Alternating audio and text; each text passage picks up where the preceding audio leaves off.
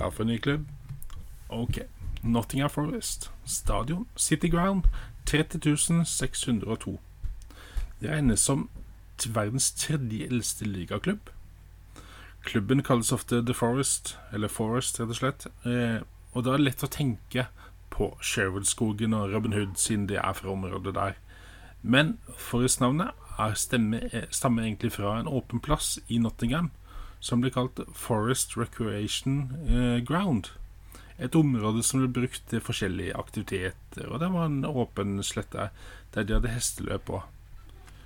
Eh, det var der Nottingham Forest spilte sin første kamp òg, mot Notts County, i 1868.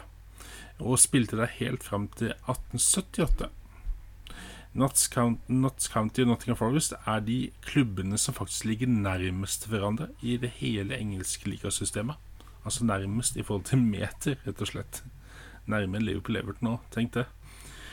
Med Brian Clough som manager så hadde jo laget en storhetstid uten sidestykke som gjør det en av eh, Premier Leagues Eller en av det er feil å si, en av Englands mest eh, meritterte klubber.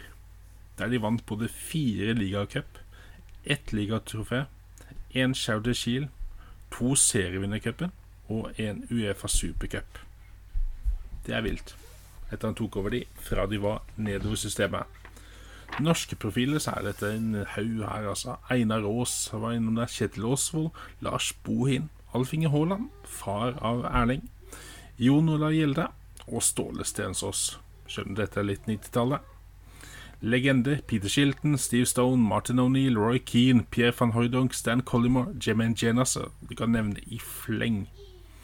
Nå er jo Avoni spissen som kjøleskap som endelig begynte å putte litt. Bernard Johnson, Joe Royal, den lokale kapteinen, og Morgan Gibbs Fight, de som faktisk er de største nå, og som vi forventer enda mer av neste sesong, når de får bort en haug av de lånespillerne de hadde.